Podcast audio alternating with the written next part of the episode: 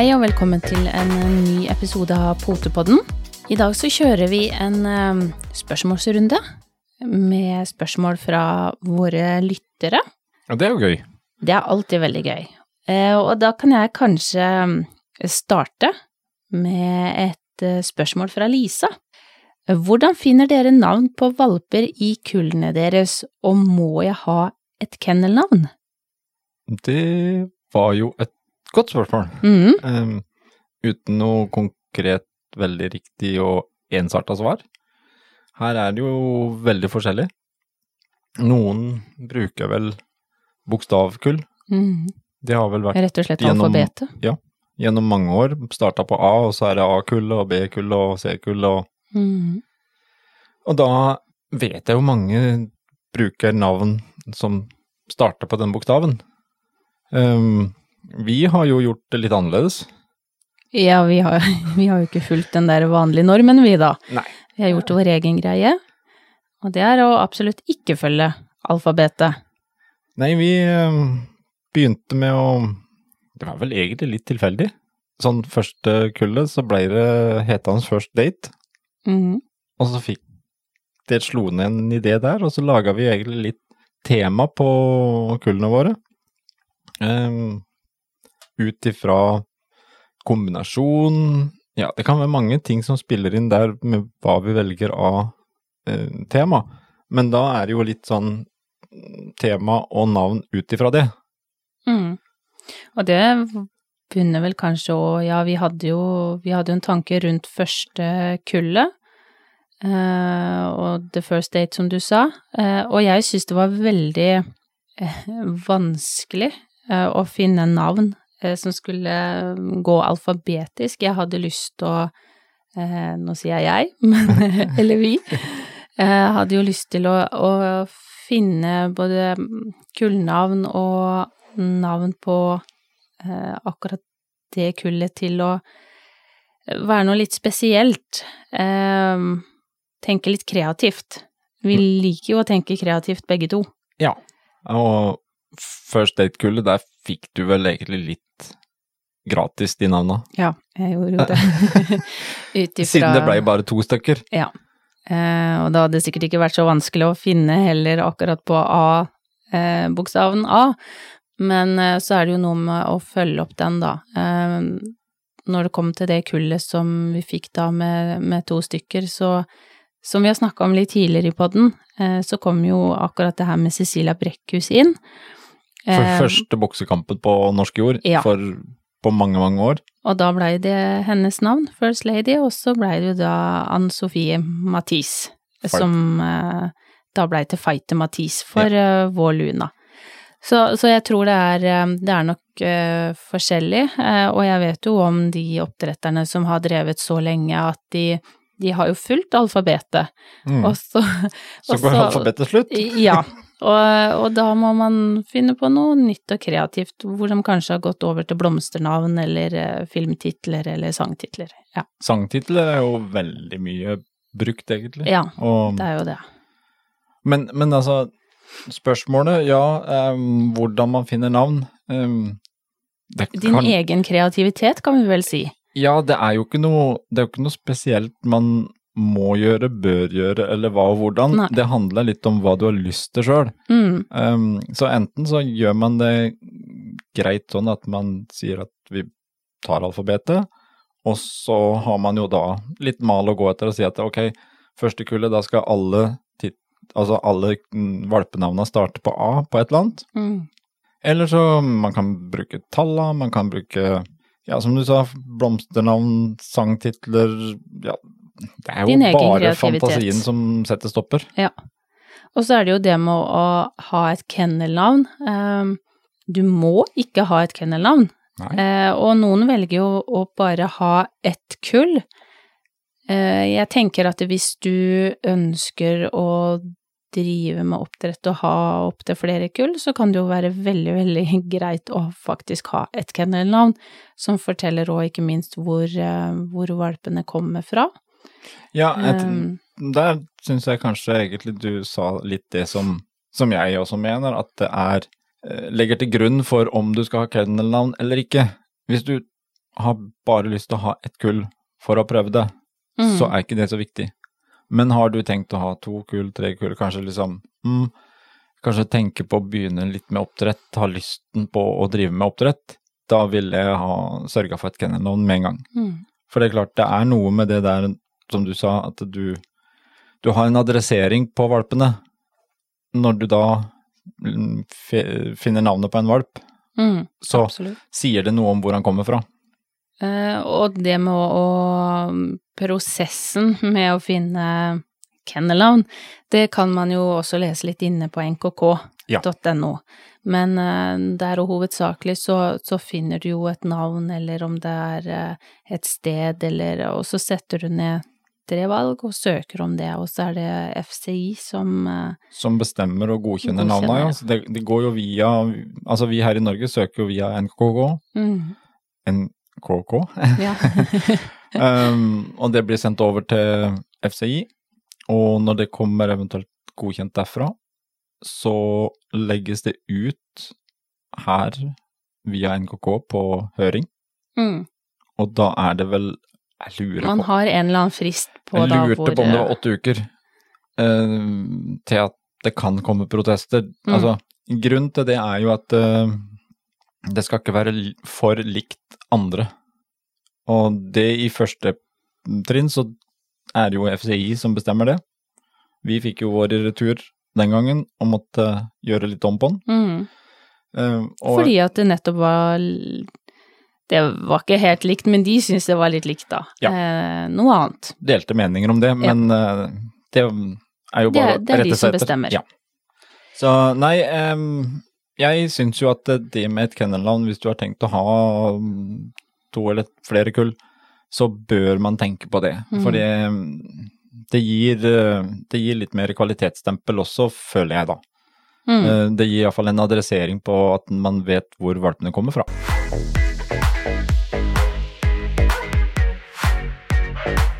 Så har vi jo neste spørsmål.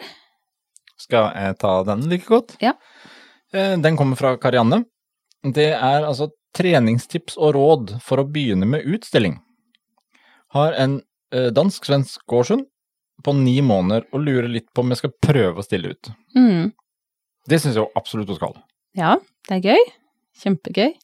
Eh, og det kan også være mm, veldig lærerikt å, å gå på en utstilling, bare for å se hvordan eh, det fungerer. Men eh, først og fremst så vil jeg jo starte med ringtreninger. Eh, hvis man er så heldig at man har eh, noen som driver med ringtreninger i nærområdet.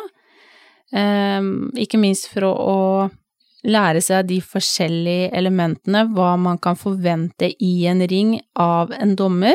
Lære seg se dommer, skal, skal vi løpe rundt, skal vi løpe trekant, fram og tilbake, med rette størrelsen eller rasen. Eh, skal du stå på bakke, eller skal du eh, stille hunden på bord? Eh, alle de tingene her er i hvert fall uansett veldig viktig å trene på, sånn at hunden er klar og forberedt, og at du, ikke minst du sjøl er forberedt som handler når du kommer inn i en ring. Ja, og at, du sjøl er forberedt på hva som forventes deg, men det gjør også at du forbereder hunden. For Mm. det er klart, på en utstilling så er det ganske mye ståk og støy. Det er mange hunder, det er en, Mye folk. det er en påkjenning for hunden Mm. eh, de første gangene. Og jeg vet jo det er en del hunder som syns det er krevende å komme inn i idrettshaller hvor det er utstilling, for nettopp på grunn av støyen.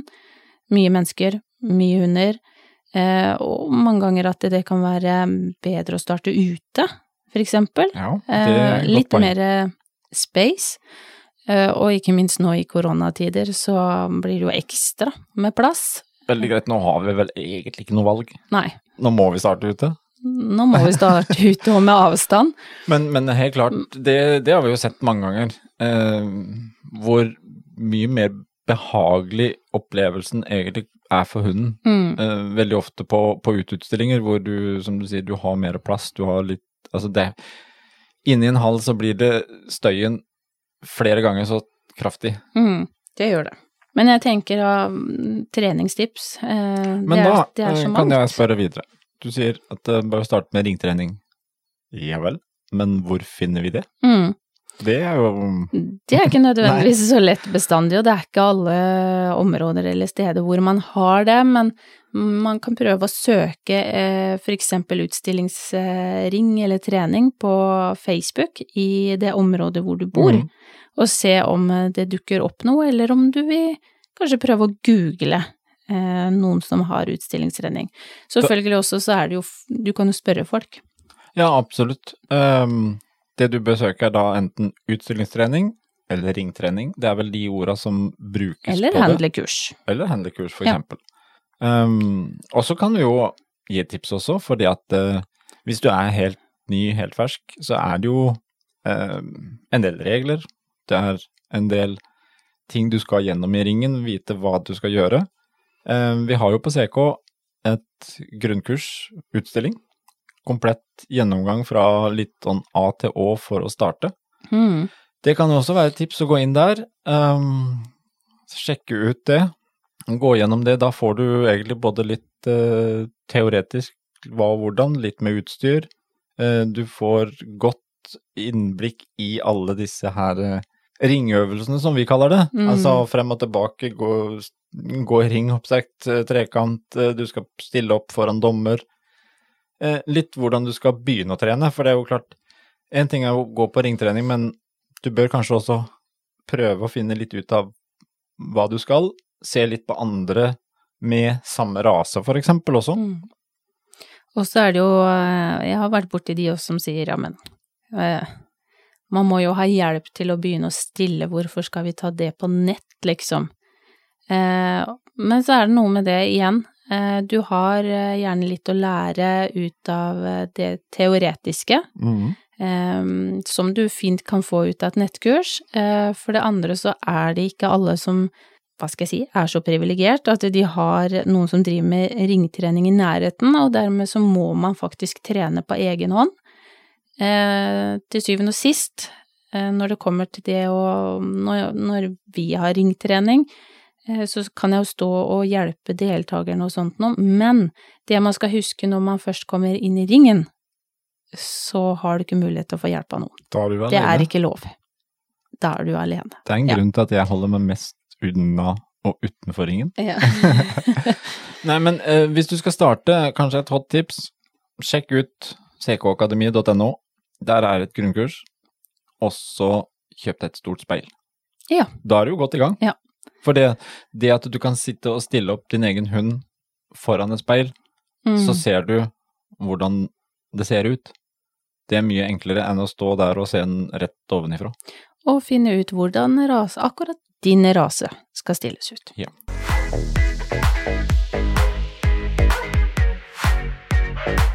Da har vi eh, Bente.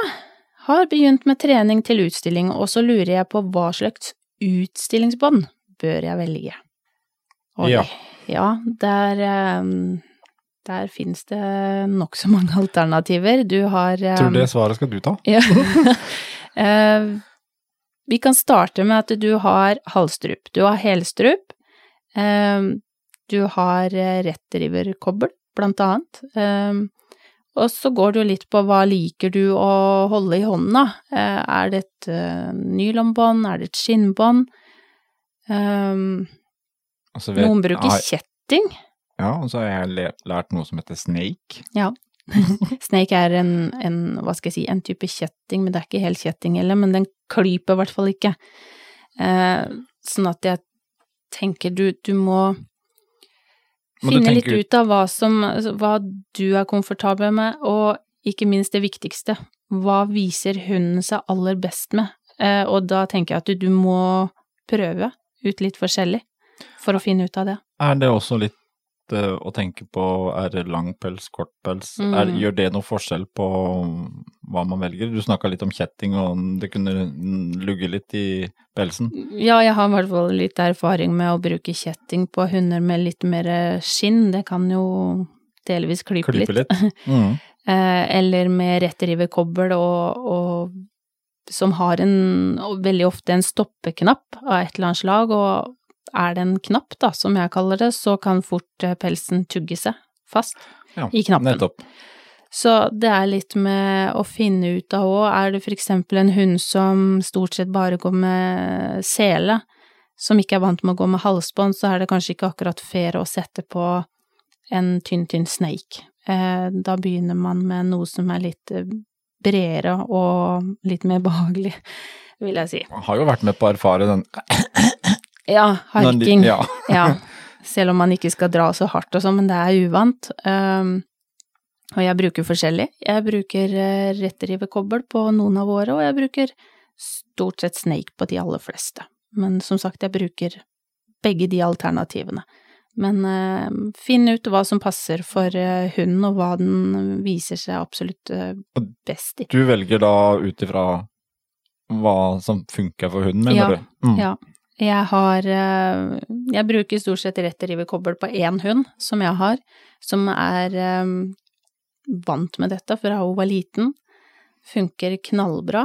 Eh, Hun går også veldig greit med Snake, men jeg er av den oppfatning jeg har ikke lyst til å kludre det til inni ringen bare fordi at jeg har absolutt skal gå med en fancy blinkende Snake. Eh, For det er jo ikke til å komme bort fra at det er jo Jeg syns det er mer ryddig og pent å se på en snake kontra noe stort og klumpete, da. Mm. Ja, så det, har, det er litt med det praktiske, det er litt med utseendet Mm. og hva som man syns ser, ser fint ut. Og så er det viktig å, ikke minst med både retriever-kobbel og snakene, å kunne sette de riktig vei.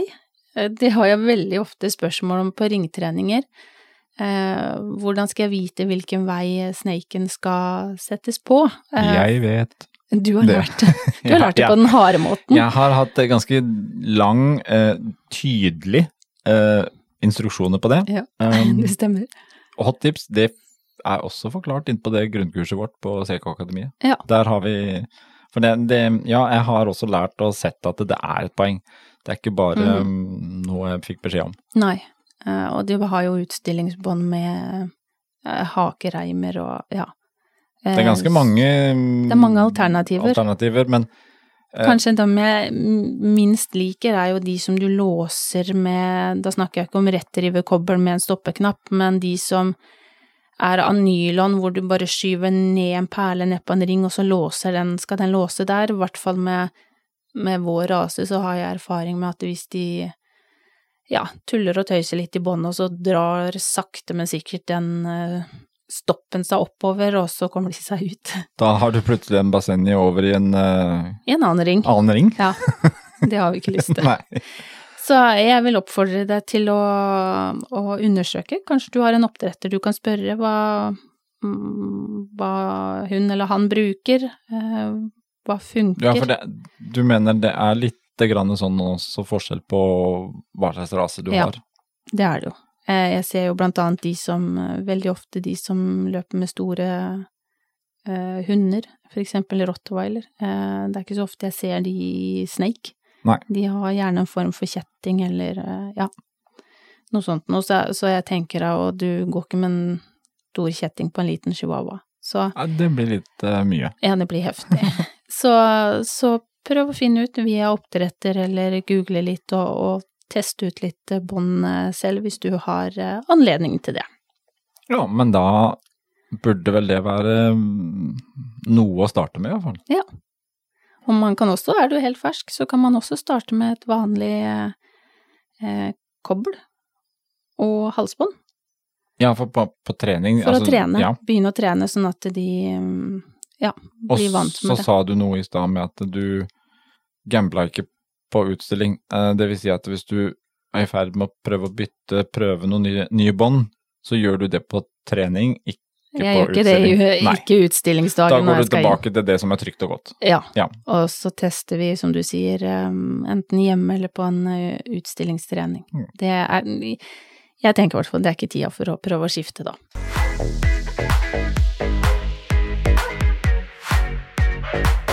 Så har vi um, Ole Einar. Han um, Det er jo hyggelig.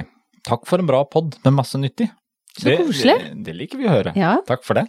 Um, det er jo derfor vi sitter her.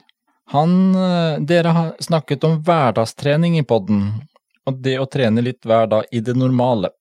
Men hvor mye trener dere hundene per dag eller uke? Mhm. Det kan jo variere, eller? Ja, det gjør jo det. Eh, når det kommer til de som, som vi nå aktivt stiller ut, så, så prøver jeg å, å trene rundt en fem til ti minutter eh, hver eller annenhver dag. Eh, for de som kan litt mer av utstillingstrening av de voksne vi har, så det blir litt to forskjellige treninger. Sånn som med Stella så trener vi jo for å lære inn de forskjellige elementene vi skal i en utstillingsring, mens de voksne som vi har, der er det mer vedlikehold av treninga. Men, men rundt fem-ti minutter eh, hver dag eller annenhver dag, og så er det jo ikke alle vi trener til utstilling bestandig, men da gjør vi helt andre ting. Så ja, rundt den samme økta, og om det er eh, snusing, eller om det er eh, Ja, stå her, og bli og andre kommandoer og her, er, her er det jo snakk om egentlig trening, eh, men på forskjellig vis. mm, Eh, Det vi snakka mye om i, i den med hverdagstreningen, eh, var jo egentlig mye bare gå pent i bånd, mm, den vanlige oppførsel, hvis en kan kalle det det. Eh, Nå snakka du om å trene til utstilling, mm, så det er jo, blant annet. det er jo, det er jo mange forskjellige ting. Og, og Så det trening kan jo være så mye, men når det gjelder jo eh, eksempel de ganske unge, da, eh, å trene de og gå i pent bånd og sånn som du sier, så er jo det egentlig på hver eneste tur vi går. Ja, da, da er det jo mer Og det er jo det fine Det var det vi ville vel litt fram til også med den tanken på hverdagstreningen, at det, det trenger ikke legge opp til noe veldig treningsøkter når det gjelder vanlig lydighet eller hverdagslydighet eller hva du skal kalle det. Mm, At man legger det inn i normale lufteturer, man går ut, eh, man er, kanskje sitter og ser på TV, man kan trene rotrening. Altså, man kan legge det opp til det daglige livet. mm, Og så har man også veldig god da, tid til å trene andre ting hvis man skal gjøre noe konkurranse eller noe spesielt. Og det blir jo samme som om du trener til lydighet eller utstillingstrening eller ja. Man har jo stort sett eh, kanskje en dag i uka hvor du trener veldig aktivt og i en lengre periode. Eh, og så har man en kortere økter da når man er hjemme, enten om det er inne eller ute eller på gåtur eller hvor det er. Mm. Eh, men jeg tenker uansett, det, jeg prøver å ikke ha for lange økter. Eh, og spesielt med de da litt yngre hundene, eh, for at de ikke skal både bli lei og bli trøtte og miste konsentrasjon. Blir fort sliten. Ja, Og gjør det det er mentalt krevende Ja, for de. så Det det, skal skal man huske på, og det, det ser vi jo med valpene, at det er ikke mange repetisjoner før fokusen detter litt ut. Nei, og så er det jo noe med det som vi har sagt så mange ganger tidligere, tenker jeg, at man starter positivt, og så avslutter man positivt, og der må man jo da være litt god på å kjenne hunden sin, eh, eventuelt valpen sin, og se oi, nå begynner vi å dette litt ut. Da Eller kanskje kan det også kjenne, seg sjøl litt. Ja. Um, Og da kan det være på tide å, å avslutte mens det fortsatt er positivt, positivt, og når fortsatt hun gjør det riktig før den begynner å feile. Og som du sier, ikke minst med eier òg. Er Tenk litt at over, er, er du tålmodig nok til å fortsette, Jeg kjenner, kjenner jo den at min tålmodighet når hun begynner å feile, Mm, da blir jo gjerne et frustrasjonsnivå at å, ja men du gjorde det riktig i stad. mm, Så heller da bare si at ok, ja men da er det et tydelig tegn på at det nok er nok, og så tar du en liten enkel greie som hunden eh, klarer, som du vet at det, dette fikser, sånn at den får en god avslutning, som du sier. mm. Og masse godbiter og os. Ja. Det er Og så alltid slutte, gøy. slutte med et smil. Så kanskje både hun og eier smiler. Det liker vi. Det er best. Ja.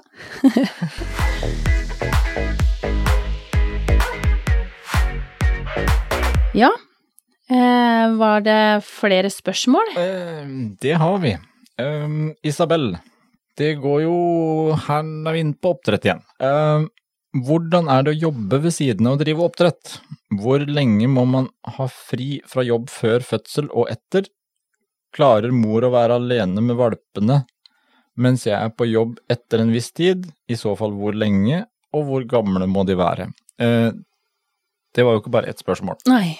Ja, eh, drive oppdrett og jobb. Eh, Jeg vet, jeg vet jo de som, eh, som gjør begge deler, og vi eh, har også gjort begge deler. Eh, men mm, nå har vi vært i en heldig situasjon hvor vi har muligheten til å kjøre ganske mye hjemmekontor. mm, Eh, Det har jo vært vår prioritet, at eh, de siste dagene før fødsel, da planlegges det, og det legges opp til hjemmekontor veldig mye i den perioden med valper.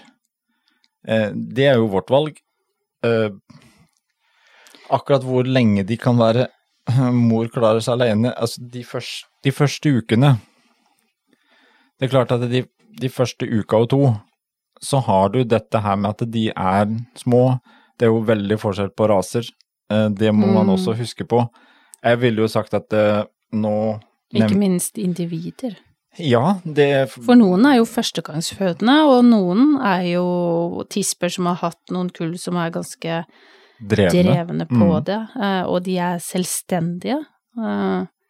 Så det er jo Det er litt vanskelig å egentlig gi en fasit på, syns jeg, for du, du må se an eh, tispa di, og eh, hvordan har hun roen, eh, klarer å finne ut av ting sjøl, eh, er hun trygg i rollen sin, alle de tingene der, kontra mm, ja.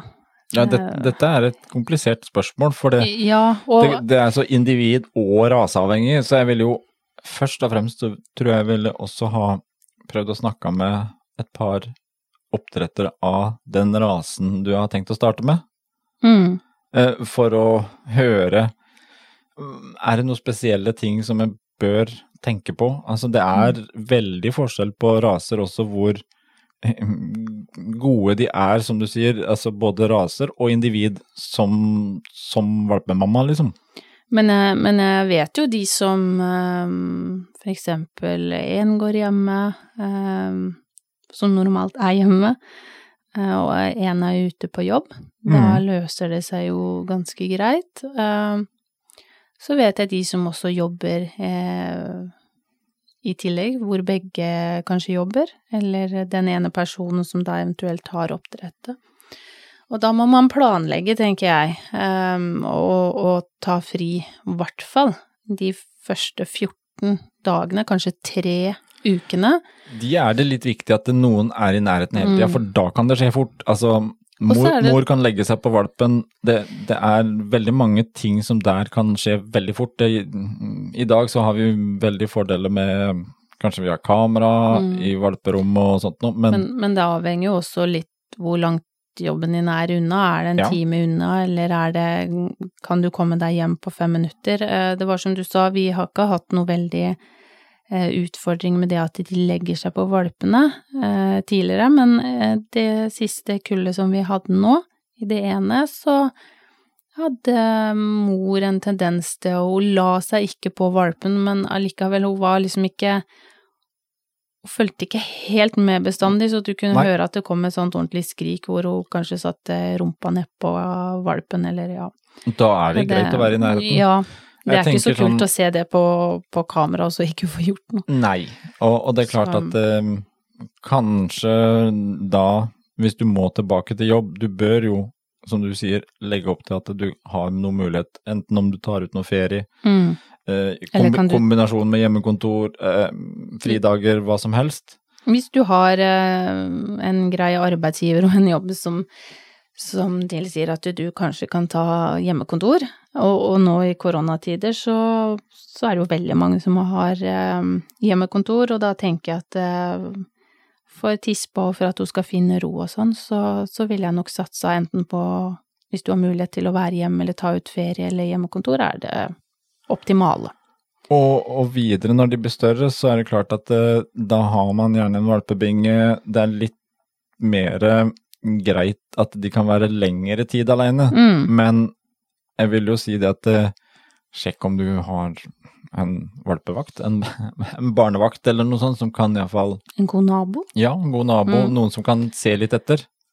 Det ville jo jeg mm, Jeg syns, jeg syns faktisk det er litt grann vanskelig å svare konkret, for jeg føler ikke at det er en fasit på det. Du, du må se an tispa og, kullet ditt, Ja, faktisk.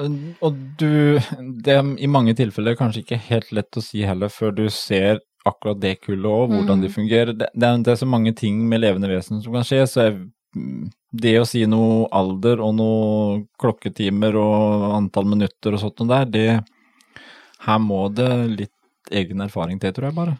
Ja, og, og her er det jo sånn at vi Man er jo hjemme eh, med kullene uansett, så jeg har Vi jo reiser jo fra valpene etter hvert når de blir større, men eh, ikke, ikke i starten.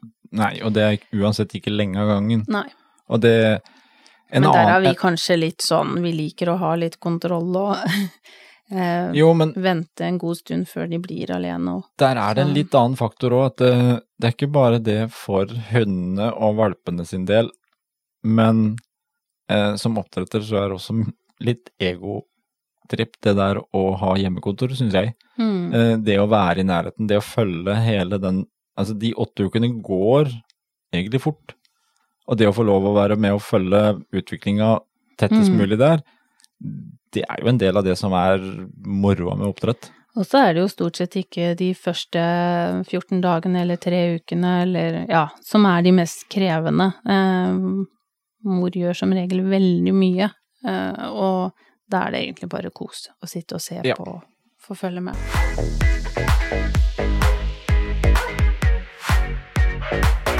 Skal vi ta neste spørsmål? Ja. Eh, da står det fra Trine Lise. Hei og takk for super podkast.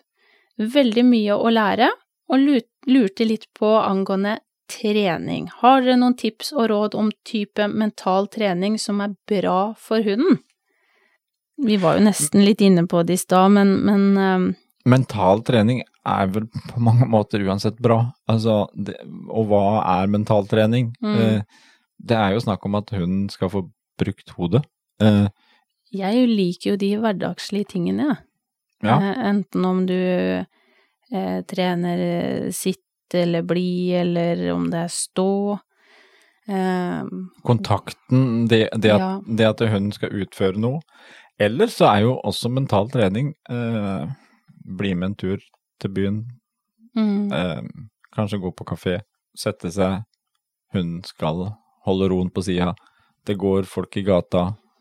Sånn som nå, nå er det vår og tid for uterestaurant. mm, Det er jo også en form for en veldig god mental trening, det der å være med på daglig gjøremål. Eller gå ut i skogen og snuse etter eh, godbiter og gå korte blodspor, Ja. for eksempel, er, eh, er veldig fint. Nei, det er, det er mye å velge i. Eh, og man har òg Hjemme i stua så kan du finne fram noen bokser, pappkrus eller noe, gjemme noe godbit. under, ja. Ja.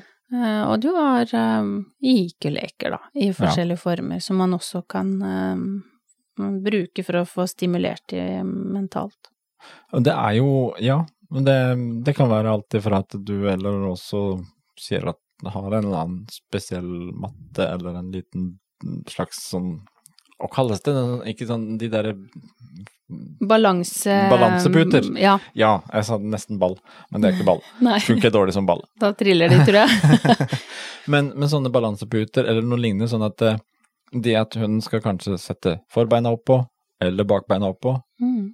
Sette litt krav. ja, da har du Mm. egentlig en, det er også en god mental trening, samtidig som Mm. du får inn det med, med enkel, god kravstilling, at eh, ok, nå skal du det, og så får du en godbit etterpå, Mm. eller en belønning.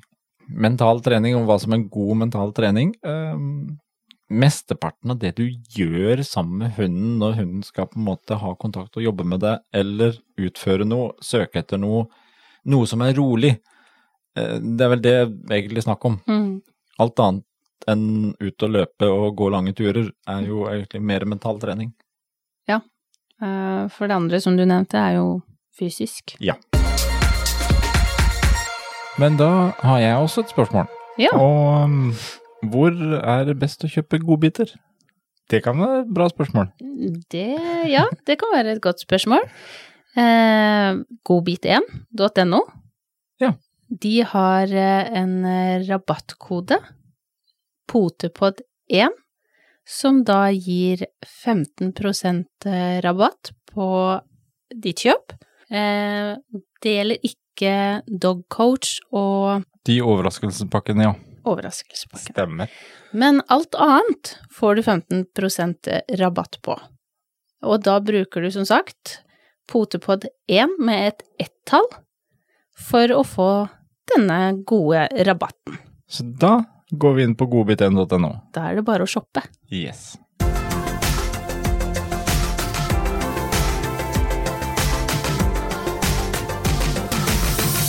Og da er det Vivian. Eh, litt spørsmål videre med tanke på deres pod om hverdagstrening. Der kom den inn. Eh, hvordan gjør dere når dere har flere hunder? Mm. Jeg har fire stykk som både drar i bånd og er slitsomme i møte med andre hunder. Ja, det er jo ikke noe å være aleine om. Det er det flere som eh, kjenner på. Og det er jo utfordringa med å, å ha eh, Flere? flere og, og større flokk. Eh, men jeg tenker de at eh, først og fremst så ville jeg begynt å trene én og én hund. Ja. Eh, og ikke alle samtidig. Eh, jeg syns det òg kan være vanskelig selv med to, så, så man må starte med én, og kanskje finne ut hvem av de er det som er den utløsende faktoren for at alle de andre blir ivrige? Er det en spesifikk hund? Så ville jeg jo begynt å trene den hunden. Ja, for det ser vi jo, at eh, det å gå med én hund og det å gå med fire, det er Mm. ganske stor forskjell. Ja. Og som regel så er det vel en som har skylda. Altså, vi har i hvert fall det i vår flokk. Ja, veldig ofte så er det en som Og det, det trenger ikke bestandig i alle sammenhenger være den samme heller. For det, det er forskjellige triggere på de forskjellige. Mm. Men det er klart at det, Men akkurat på gåtur, så sånn erfaringsmessig sjøl, så Ja. har jo vi ei som blir veldig ivrig, og, og det er hun som eh, vi har måttet trene på. Eh, Mm. Både passering av andre hunder og biler og sykler og jeg vet ikke hva. Eh, blir ikke noe aggressiv, ingenting sånt noe, men hun blir eh, ekstremt ivrig og drar framover. Og der merker vi fort da når den går med tre-fire stykker, at det er veldig enkelt å trekke opp de andre òg. Mm.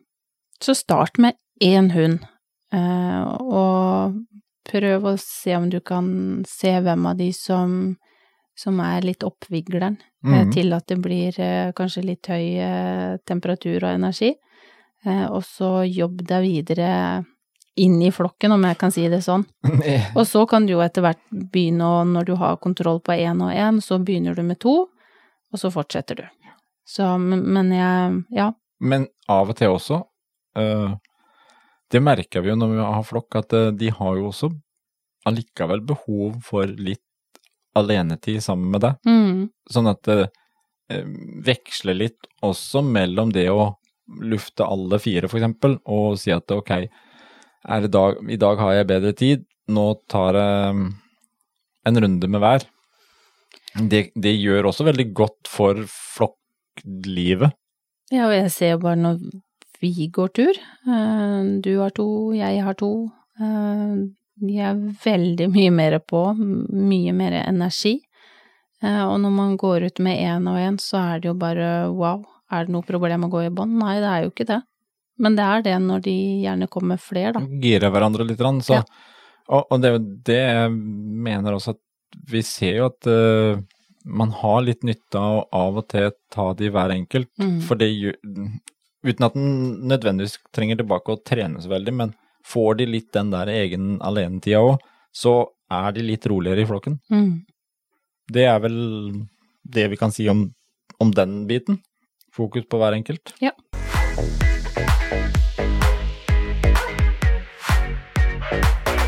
Så er det Kjetil. Fòrhund eller deleie? Hva, er, hva ser oppdretter etter i en fòrvert? Må en bo i nærheten? Er det noen spesielle krav jeg bør forberede meg på? Ja, jeg ser meg om etter hund. Syns det å kunne ha en fòrhund høres spennende ut, men kan så lite om det. Når det kommer til eh, ja, fòrhund eller deleie, fòrhund er jo gjerne en hund som eies av oppdretter, men som da fòrvert, som vi kaller det, eh, har hunden i det daglige liv og står for de daglige kostnadene som vanlig veterinær, eh, fôr, eh, ja, ting som de trenger, dekken eller skåler eller hva det enn skulle være. Og så står jo gjerne da eh, oppdretter for eh, alt av helsetesting i forbindelse med avl.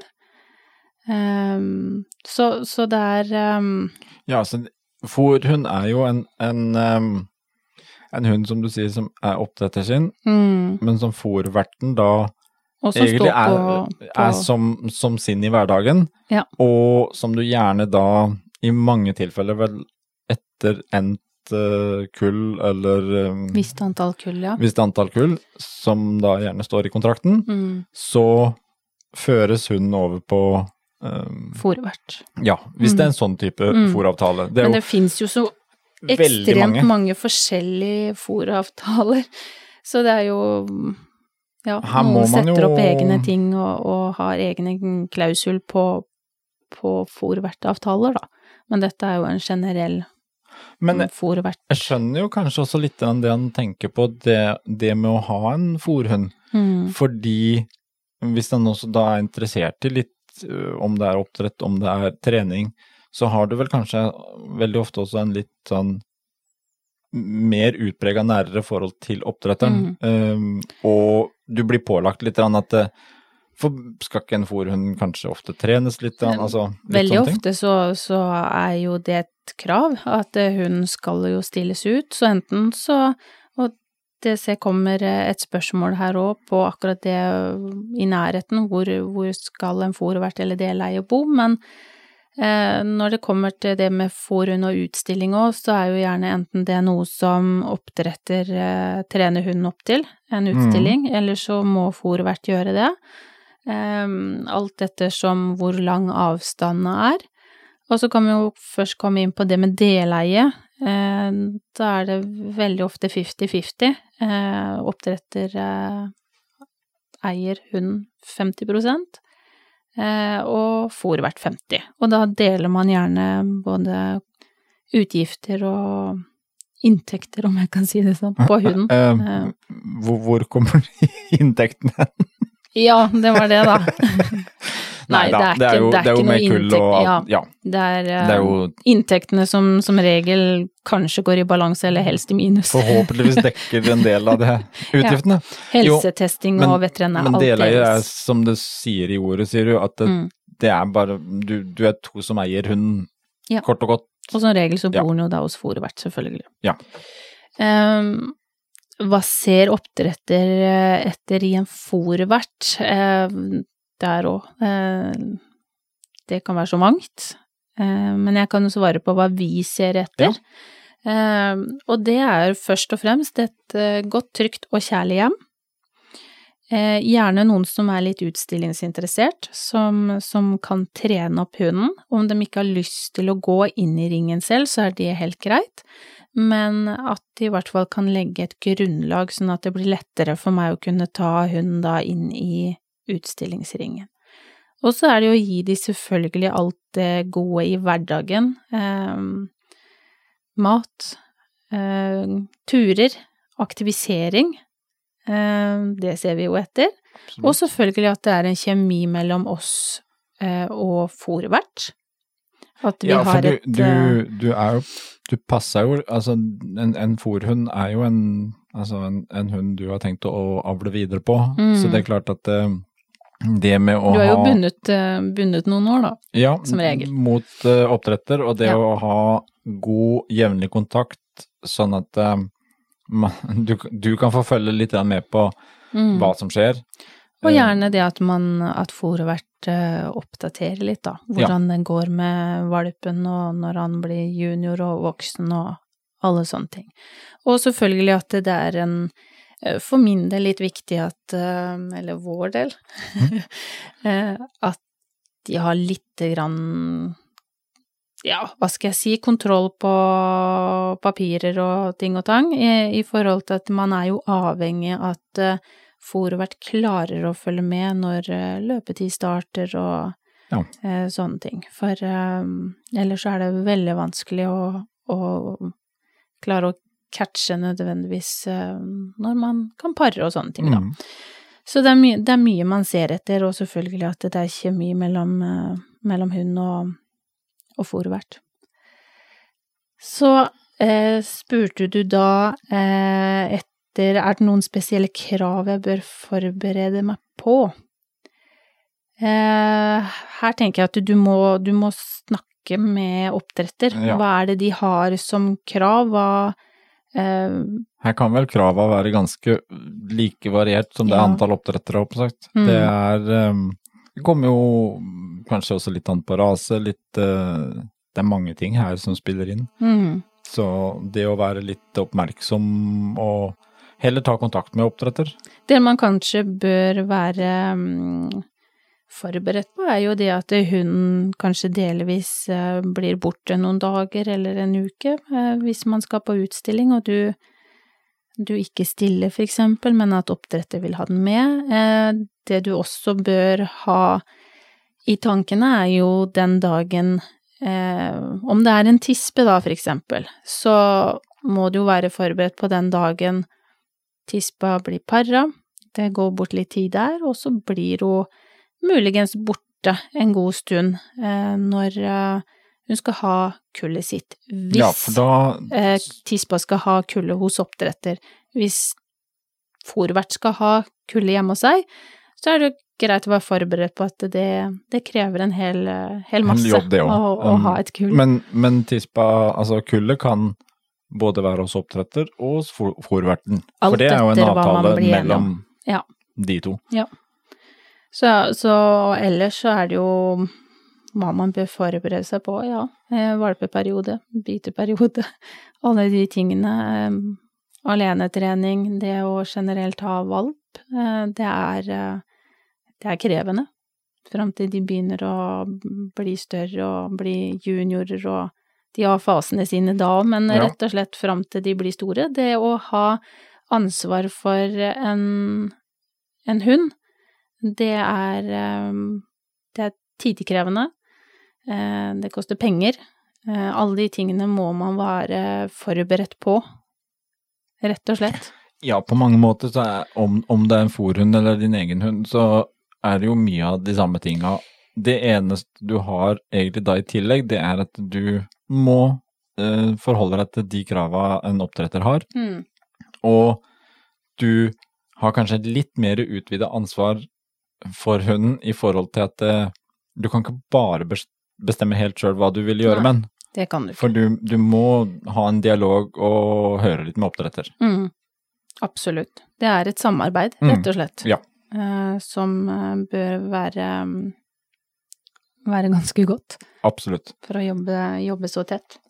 Så jeg håper jo at det var jo Ga iallfall lite grann svar. Mm. Det er eh, mange av disse svara og spørsmåla som er litt sånn vanskelig å gi noe konkrete mm, fasitsvar på, fordi at Mm. det mm, Vi glemte å, å svare på det, må man bo eh, i nærheten? Ja. Den glemte vi å ta. Ja. Um, jeg for min del, eller igjen vi, Ja. Ehm, ønsker jo at de ikke skal bo veldig langt unna. Ehm, vi har to uh, fòrtisper ute. Eh, de bor ca. eh, mellom 10 og 15 minutter unna. Så jeg syns det er veldig greit. Eh, nå har vi fòrverter som, som syns det er gøy å trene hunder, og som liker å, å stille selv. Så det er jo det er kjempefint. Eh, men dersom de ikke hadde ville det, så, så hadde jeg ikke vært så langt unna. Jeg kan ta de med på trening og trene og eh, Eller at eh, man må inn og ta en progesterontest, for eksempel, så er ikke tispa så veldig langt unna, og, og du skal hen og pare tispa, ha den med til Sverige eller Danmark eller hvor du skal. Det er, det er veldig lønnsomt, syns jeg, å ha de nokså tett, om det ikke bare er fem eller ti minutter unna, men at det i hvert fall kanskje ikke er mer enn en time eller halvannen. Ja. Det bør være sånn at du har mulighet til å få tak på tispa uten at det, det krever for mye, da. Men er, der blir det vel også fort litt for, Kan være forskjell om det er en hannhund eller en Mm. tispe som er ute på fôr. Mm. Eh, med en hannhund så har du kanskje ikke så mange Altså bortsett fra det med utstilling og litt sånne ting, men eh, det er ikke den store prosessen i forhold til kull. Nei, det er det jo ikke. Eh, Det er jo lettere på den måten at de Som regel så kommer jo tispeier kanskje til hannhunden, eh, men du vil jo gjerne allikevel ha kanskje noen utstillinger, eh, utstillingsresultater, og det, det krever jo da at um, bor du ganske langt unna, så, så bør jo fôret være i hvert fall villig til å legge et grunnlag for eh, utstilling og eller annen trening. Alt er jo ikke utstilling. Noen er Nei, eksempel at man skal utføre en, en mental test eller uh, Du har jakthunder som skal ha sine ting Ja. der òg. Og der òg krever det jo igjen da at du har en fòrvert som kan følge opp og gjøre de tingene som Så egentlig det du sier her også nå, er jo at det med avstand avhenger jo også kanskje litt av hvilket forhold du har til oppdretteren, hva slags innstilling man har sjøl, Mm. altså hvor mye jobb gjør du sjøl opp, på en måte. Ja. Så eh, det meste er vel at de fleste oppdrettere ønsker vel å ha de sånn noenlunde i nærheten, men det er klart her er det ingen regel uten unntak, Nei. og Absolutt ikke. det kan være mange ting som spiller inn. Ja, og noen flytter Mm. for eksempel på seg. Eh, Så man, eh, man må i hvert fall det som bunner i hele det med fòrvert og, og dele eie, det er jo å ha en god dialog Ja.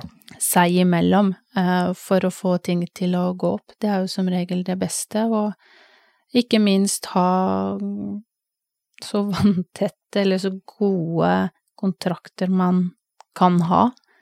Eh, For jeg har hørt beg- begge deler, altså både dårlige ting om oppdretter og, Ja. og dårlige ting om fòrverter og deleier eh, når det kommer til når de trenger å få tak på, på hunden, da. Og der kan man jo egentlig bare også si det at altså kontrakten eh, skrive, som du sier, en god, fyldig kontrakt som egentlig ivaretar begge parter. Ja. Men husk på det at en kontrakt gjør man ikke for å skape trøbbel. En kontrakt gjør man fordi at man skal beholde et godt forhold.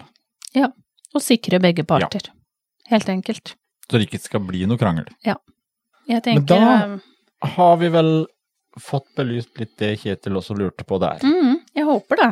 Eh, Selv om, som du sier, noe er litt vanskelig å Og jeg liker jo ikke å være verken bastant eller eh, si at det sånn, sånn og sånn er ting, for det er alltid mulighet for at eh, ting kan bli eller være, Være annerledes. annerledes. Ja, og det Og derfor så, så Vi er forskjellige mennesker, vi er forskjellige hunder, det er Man um, tenker forskjellig, ja. man uh, trener forskjellig. Det har vi jo sett uh, mange nok uh, eksempler på. Ja. Og derfor så, så Men det er tenker jo at vi, vi kan prøve å veilede, i hvert fall på, på de spørsmålene som kommer inn. Og så, så sitter jo heller ikke vi, som sagt, på fasiten. Vi har vår erfaring. Eh, vi har gjort oss opp noen meninger, Mm. men så kan det være at eh, noen andre oppfatter eller gjør ting helt annerledes, og det funker, og det er helt supert. Vi sitter jo her og bare deler av det vi vi tror på og har erfart, og det, Ja. det Og fordi vi har lidenskapen for hund. Ja. Eh, helt enkelt. Ja. Og kan det hjelpe noen, så er det veldig bra. Og er det noen som syns at noen av svara var litt rare, så eh, send oss gjerne en melding på det òg. Mm. Altså, det er alltid gøy, og det er jo gøy å få sånne spørsmål og kunne sitte og drodle litt rundt det. Det er interessant for vår del òg, som trener og jobber mye hund hele tida. Mm. Uh, disse spørsmålene gjør at man må liksom tenke seg to ganger ekstra om. Mange ting gjør man litt på autopilot. Ja, man gjør jo, man gjør jo ofte det, eh, fordi at man vet at det funker, du vet hvorfor du gjør det, eh, du er trygg på det du gjør. Eh, og så kan det komme noen som spør ja, men hvorfor eller hvordan, og så må du begynne å tenke ja, jeg gjør jo det, for dette har jeg gjort så mange ganger, så blir det en litt sånn, som du sier, automatikk i det, og så må man begynne, og så må man må gå på et litt, eh, hva skal jeg si, litt må gå- tilbake et par steg, og så Og tenker jeg men hvorfor gjør det, og hvordan, jo. Ja, og hvordan kan jeg forklare og formidle og lære andre sånn at de kanskje forstår, eller hvor det er enklest å forstå hvorfor vi gjør som vi gjør. Uh, ja, det tror det- jeg det er er, jo- eh, Det er jo dette som er gøy med disse spørsmåla òg, fordi at eh, man blir tvinga til å bli enda mer bevisst sjøl òg. mm. Man tar det kanskje for gitt ja. at folk vet, eh, når man har trent hund en stund, hatt oppdrett en stund, generelt hatt hund, og så er noen helt nye, og det er ikke en selvfølge at alle kan eh, det du kan, eller det de lurer på, så da må man gå tilbake et par steg, og det er lov også, mm, for eksempel på, på ringtreningene som vi har, så sier jeg alltid det at det er hvis det er noe dere ikke forstår eller dere syns er litt vanskelig, så er det lov å spørre. Um, det er verken dumt eller flaut eller noe som helst, og så tar vi en liten gjennomgang på hvorfor og hvordan. Det er mye bedre å spørre en gang for mye enn en gang for lite. Ja, Fordi det er jo det. eh, det, det gjør mye for hunden også. Mm. Så er det mm, Hvis det er flere som har spørsmål, vi er mottakelige for eh, fortsatt masse spørsmål, vi. Vi er klare, vi.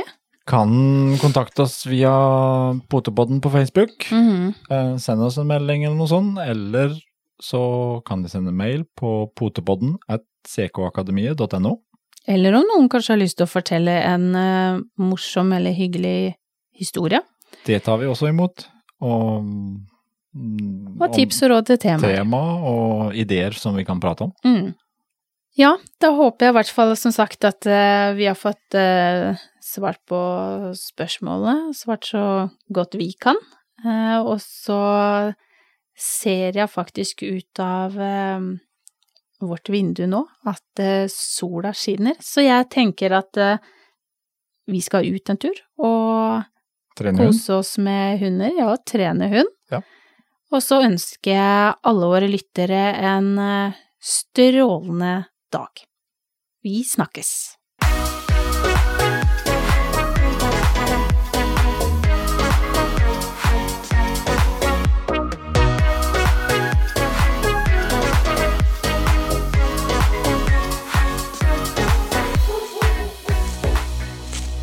Potepodden, firebent prat laget av ckakademiet.no.